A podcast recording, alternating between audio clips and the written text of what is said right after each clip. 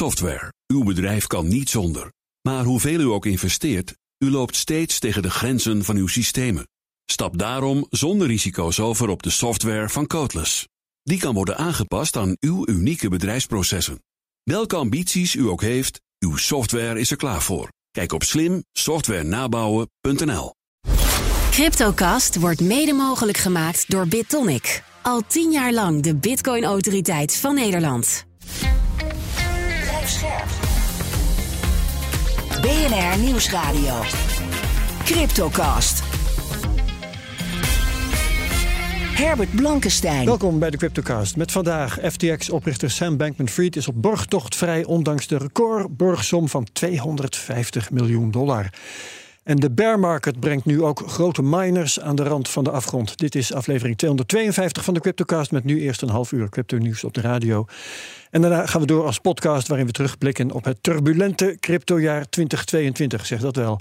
En waar we natuurlijk ook met frisse moed proberen vooruit te kijken. Met gast Bert Slachter. Hallo. Hey. Analist bij de digitale nieuwsbrief Bitcoin Alpha. En eh, Daniel Mol, redacteur bij de Cryptocast. Hoi. Hi Herbert. En bij Hallo. BNR Digitaal. Wij geven geen beleggingsadvies. Vorm je eigen mening, maak je eigen keuzes. Geef ons niet de schuld. Crypto kan lucratief zijn, maar is ook riskant. Oké, Sam Bankman-Fried, hij is op borgtocht vrij. Kan de rechtszaak die eh, tegen hem wordt aangespannen thuis afwachten. Maar de borgsom van 250 miljoen dollar, ja, die is niet eens betaald. En intussen worden de gevolgen van het FTX-drama steeds meer zichtbaar. Eh, Bert, kun je uitleggen hoe dat zit met die borgsom? Hij is nu tijdelijk vrij. Borgsom 250 miljoen dollar. Een record overigens. Maar die is niet overgemaakt. Ik snap ook niet hoe ze dat hadden kunnen doen. Maar hoe werkt dat? Ja, wat een, wat een eh, drama weer. Eerst zat, zat iedereen van, ja, hoe kan het nou dat die man niet opgepakt is? Ja. Toen werd hij spectaculair afgevoerd. FBI-busjes. Eh, iedereen, nou, nu zit hij in de gevangenis, nu zijn we er. En een paar dagen later, poef, staat hij weer. op straat. Naar buiten wandelen. Ja. Ja, wat, dit, in het Nederlands heet dat borgtocht. Hè? En dat is dat. ehm, ehm, dat, dat is dan dat een, een verdachte van een strafbaar feit in afwachting van de, van de behandeling van zijn zaak wordt vrijgelaten uit voorarrest. Ja. En dat, dat, dat, dat kan niet altijd. Hè. Bijvoorbeeld, nou, we hebben het wel eens gehad over die Alex Pertsev hè, in de Tornado, Ja, tornado Cash. vluchtgevaar en zo. Ja, dus als Ja. iemand kan vluchten, of als hij met het ehm, bewijs of het onderzoek kan, eh, kan verstoren, of als die recidieve gevaar, dus, het- dus nog een keer zoiets te doen, dan zegt ze: joh, blijf jij maar achter de tralies. Nou, dat is blijkbaar bij Sam niet het geval. Ehm, dus we hebben gezegd van joh, eh, 250 miljoen is dan de, de, de, de borgtocht. Nou ja, dat, is, dat, dat kan je inderdaad overmaken, maar je kan ook ehm, eh, voor een gedeelte daarvan ehm, ja, iets van onderpand geven. Mhm. En dat is wat hier in dit geval gebeurd is, namelijk het, eh, het, het huis van zijn ouders in, in, in Palo Alto. Ja. Ehm, en, eh, en, California. California, ja. ik dat geloof was dat- 25 miljoen waard of zo. Heb ik dat ergens goed Nee, gelezen? minder volgens mij. Minder. Vier ja, zo. volgens mij ook minder. Nou, in Maar ieder wat is de betekenis van een borgtocht van 250 miljoen als je die niet hoeft te betalen? Nou ja, ehm, dat, dat, tot dat bedrag mag er dus op de mensen die daarvoor garant staan worden verhaald. Hè, en dat zou dan. Als hij de benen zou nemen. ja, als hij dus niet komt opdagen op zijn zitting. Hè, dat is het verhaal. ja, er worden ja, ook een bepaalde eh, beperkingen aangegeven in zo'n borgtocht. Hè, van, de- de- hier mag je wel Ja. zijn, daar mag Dus je als niet hij zijn. hem smeert, dan hebben zijn ouders dus wel een schuld van 250 miljoen. Ja, ik denk dat dat wel zo werkt. Want het onderpand is gemiddeld- normaal gesproken 10 tot 15 procent, wordt er dan gezegd. Dus, ik- Ah. dus dat huis op zichzelf zou niet genoeg moeten zijn. Dus misschien is er nog wel meer. Want er zijn geloof ik vier mensen uiteindelijk, waaronder één iemand van buiten de familie, die hebben moeten tekenen. Ehm, en nou ja, dus dat zou dan genoeg druk moeten geven om te zorgen dat Ja. hij. eh, maar ja, kijk, weet je, ehm, het is natuurlijk een hele publieke figuur. Dus ja, hij- het is ook niet, hij kan zich niet heel makkelijk. hij- En hij heeft ook niet een band met een land dat, dat niet Nee. uitlevert. Nou, dus misschien als hij zich dat kaal scheert, dat hij hem toch niet herkent. ja, ja. Ja. Daniel, ehm, weet jij hoe eh, Sam er nu aan toe is? Nou, je Is zou hij zeggen... je- vrolijk of... nou, ik hoop dat hij vrolijk is, want hij is weer thuis. Maar hij is in ieder geval... eh, hij kwam de, re- de gevangenis eh, volgens mij vijf of tien kilo lichter eh, de gevangenis weer uit. Oh. Na een paar weken. Dus dat, dat, Dan dat herken je schiet, hem ook niet meer waarschijnlijk. nee, dat schiet lekker op.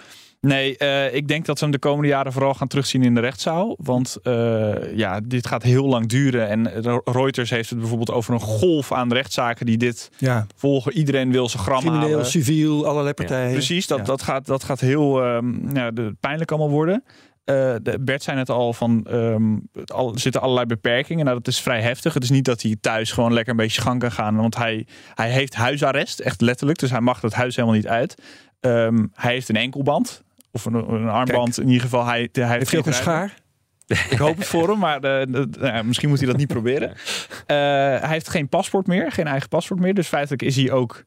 Eh, Kan niet reizen. Niet Ja. zomaar het vliegtuig in ieder geval. precies, dat Ja. gaat niet zo makkelijk. En alles wat hij eh, wil uitgeven, moet ook eh, grote uitgaven in ieder geval moet voor de langs rechter ter controle. Dus eigenlijk, ja, hij kan thuis dan een beetje, wat deed hij altijd, League of Legends spelen of zo. Nou, misschien mag dat dan nog wel. Ja, ja, ja. Eh, maar maar een brood is- kopen wordt al moeilijk. Ja, Bij wijze ja. van spreken. Ja. Nou, we waren ook een beetje blij dat hij stopte met al die stomme interviews die hij gaf. Hè?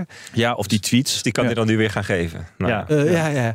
Ehm, zijn twee eh, compagnons, Gary Wang, Caroline Allison. Ehm, Gary Wang was medeoprichter van FTX. Ja. Eh, Caroline Allison was CEO van Alameda. Ehm, die hebben schuld bekend.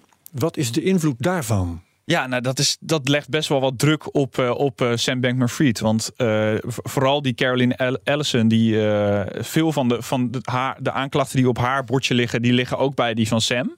Eh, en Sam heeft Ja. zelf nog geen schuld bekend. Dus Nee, maar het wordt voor hem nu wel moeilijker om geen schuld te, Ja, be- dat wordt- te dat- ontkennen. precies, dat, dat kan eigenlijk al niet meer. Hoewel je je wel kunt afvragen, en dat doe ik dan ook.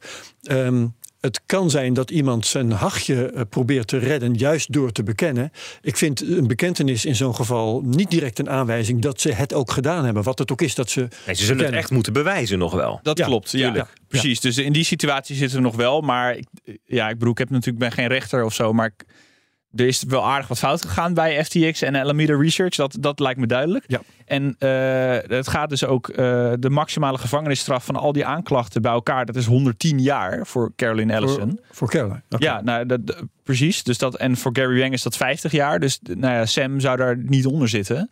Dat wil nog niet zeggen dat hij het gaat krijgen en dat hij echt 110 jaar de bak in moet. Maar dit wordt wel. En dit is op basis van wat ze tot nu toe weten. Hè? Maar ze hebben Exact, dus ja, no, further, weet je wel. Dus, dus ze gaan voor hun niet verder zoeken. Maar voor Sam zou er nog veel meer boven tafel Ja. kunnen komen. Ja. Ja, ja.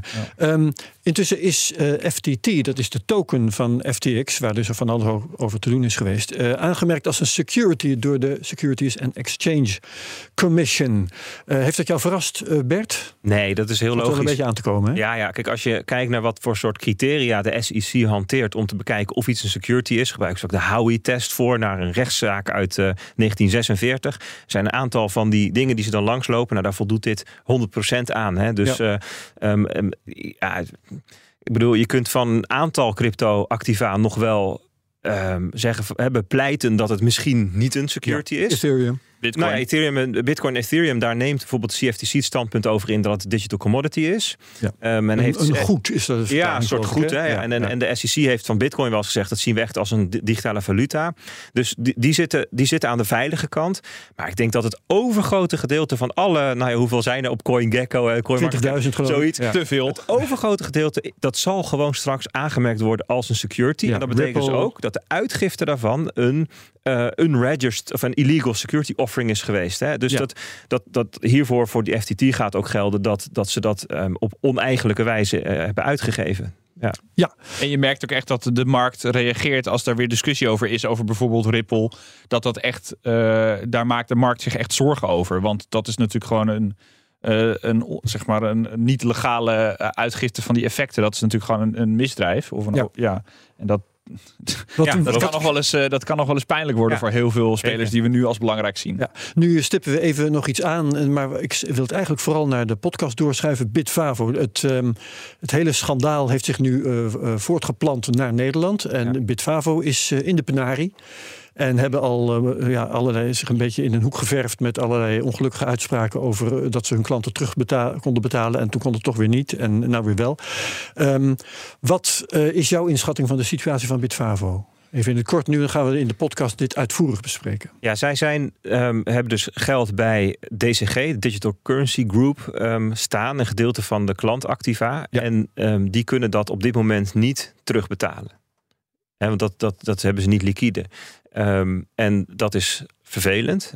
Maar het, eh, eh, voor wat we ervan weten gaat het om een liquiditeitsprobleem. Dus Digital Currency Group heeft wel de bezittingen, alleen ze zijn niet liquide. Dus gaat dat in de loop van volgend jaar alsnog gewoon liquide gemaakt worden en terugbetaald worden. Dus het is wel van een, voor, hè, voor zover we nu weten, van een andere omvang van een andere orde dan FTX. Hè. Daar was gewoon, daar was het, daar was de, waren de bezitting, die waren er gewoon niet meer. Behalve Ja. dat van eh, alle bedrijven die intussen zijn omgevallen, is eh, op enig moment gezegd: Oh nee, maar wij zijn best wel in orde hoor. Het is alleen maar een liquiditeitsprobleem. Precies wat jij nu zegt. Uiteraard, ja. Dus Genesis en eh, DCG die zullen moeten laten zien dat dat daadwerkelijk het geval is. Hè? Dat, Ja. dat ze daadwerkelijk ehm, uit de penarie komen. Ja, ja. Maar Dus goed, is wat dat betreft Favo is niet de enige. Hè.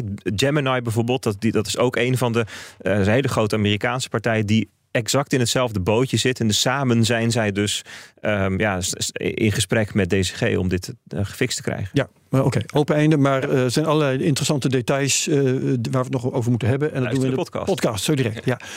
Ehm, we gaan naar de prijsanalyse. Handig dat je hier zit alvast, Bert. Ehm, kunnen we eventjes over eh, het jaar heen kijken? Dat gaan we ook in de podcast uitvoeriger doen.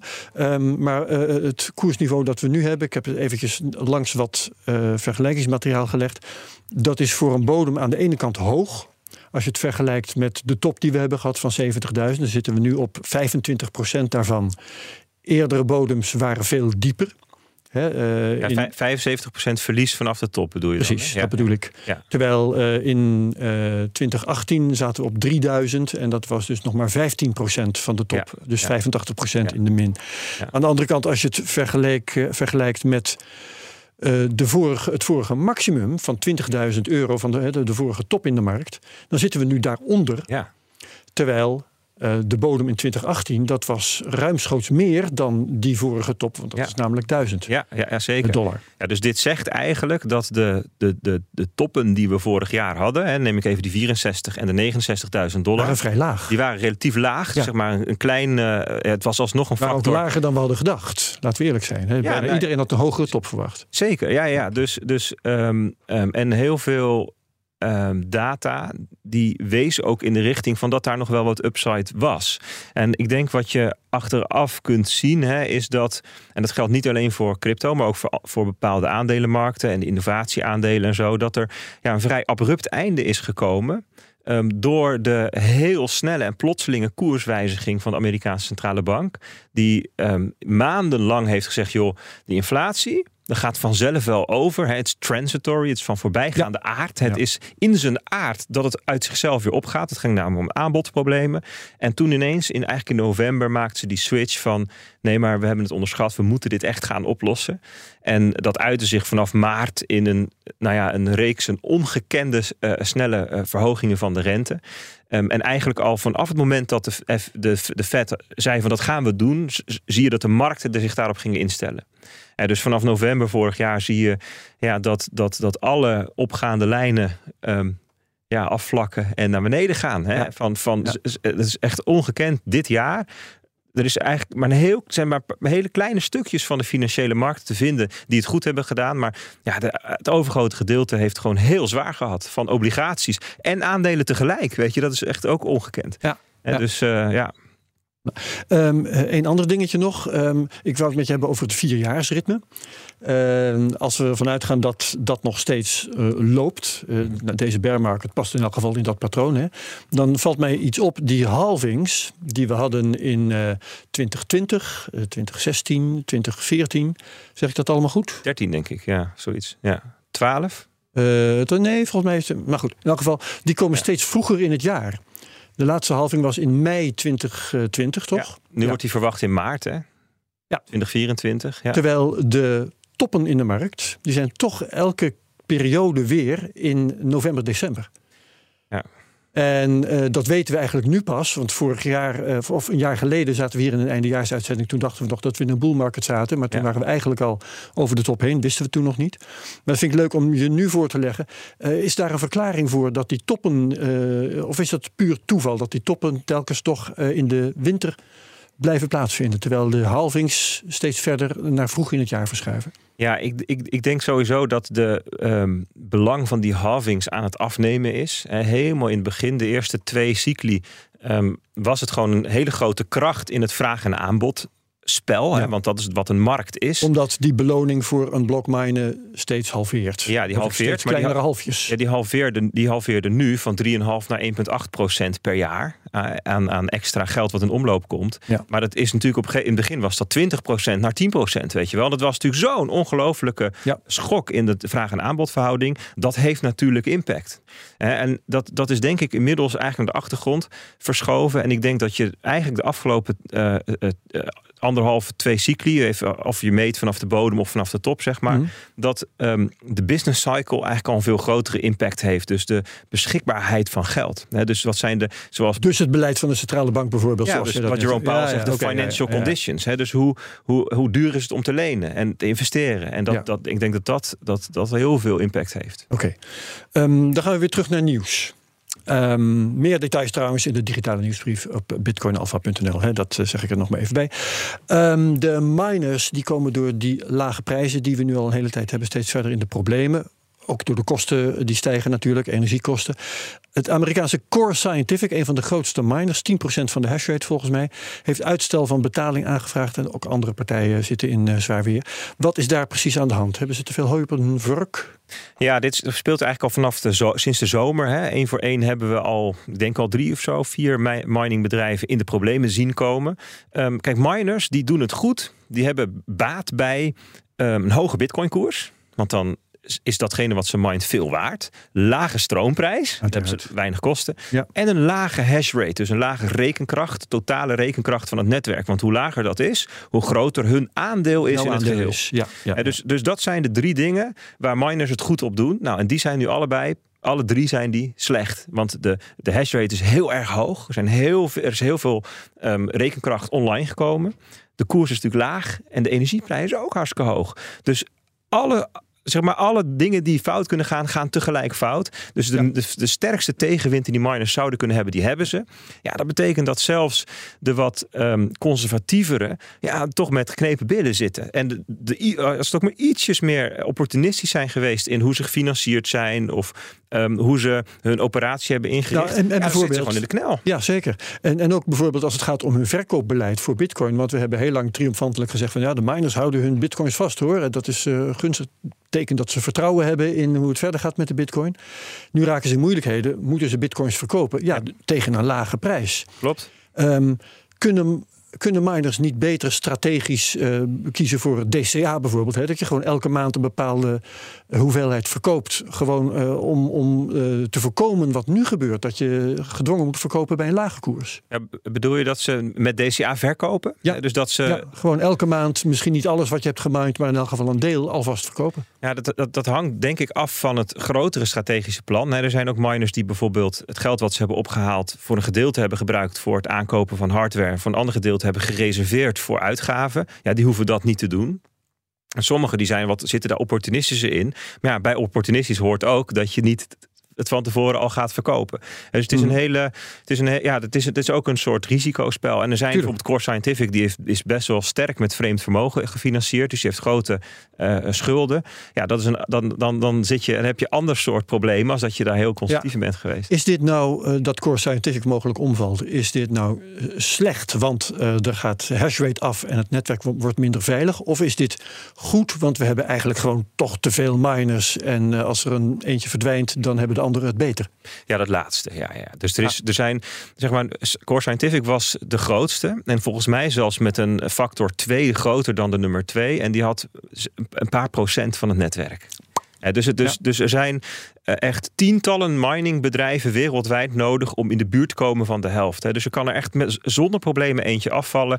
Ehm, eh, En de helft is cruciaal, omdat je dan eventueel de, de blockchain zou kunnen vervalsen. Ja, dat wil nou, je ja dan moet je, Ja. en, en de dat is theoretisch, hè, 51% zeggen we dan. In de praktijk heb je wel echt 70% nodig om Mhm. iets te kunnen. Dus, dus die, voor die veiligheid hoeven we voorlopig niet bang te zijn. Hè, er, er zou echt de helft af kunnen qua rekenkracht en qua bedrijven. En dan is het nog steeds prima in orde. Ehm, en dus ik denk dat je wat je kunt zeggen is dat dit gewoon heel erg gezond is, heel erg goed is. Dus dat de, de miningbedrijven die ehm, ehm, minder gezond zijn, minder goed in elkaar zitten, ehm, ehm, te dure stroom hebben, eh, weet je wel, oude apparatuur hebben, die moeten stoppen. En dat betekent dat dus de rekenkracht daalt en dat voor de rest dus winstgev- winstgevender wordt en dat uiteindelijk er een nieuw evenwicht komt. Daniel, de, de een, hashtag eh, is...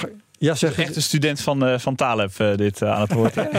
ja, of Schumpeter, ja, ja, ja, hoe je het wil. Ja. Rekenkracht is hard gedaald deze week, Daniel. Um, was dat nog iets bijzonders of was dat juist te verwachten gezien dit verhaal?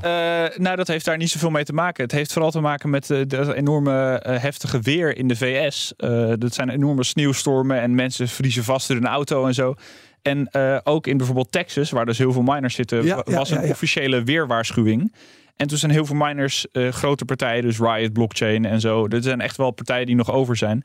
Uh, die hebben besloten: oké, nou, we vinden het niet veilig voor ons personeel. Uh, en we gaan gewoon even de boel uitzetten. Um, en in sommige gevallen zetten ze het zelfs uit omdat het wordt gevraagd voor het net. Dus miners gebruiken veel energie. En dan zijn er afspraken vaak gemaakt met lokale overheden en netbeheerders.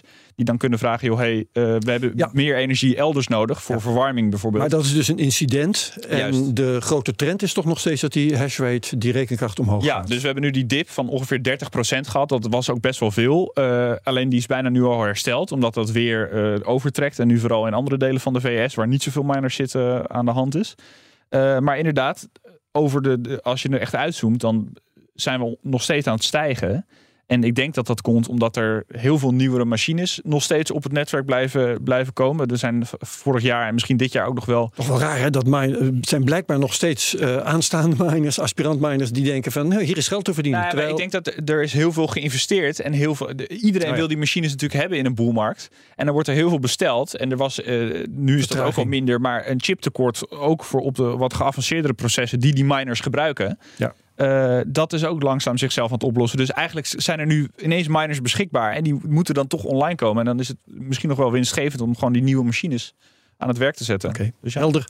We moeten het hierbij laten wat betreft deze uh, CryptoCast. Wat ik even schrap, dat is het vooruitkijken naar de podcast. Hebben we al een beetje gedaan. Bitfavo gaan we het over hebben. Maar ook wat de belangrijkste gebeurtenissen zijn geweest van 2022. Nou, uh, iedereen die de CryptoCast volgt kan daar zelf wel een gooi naar doen.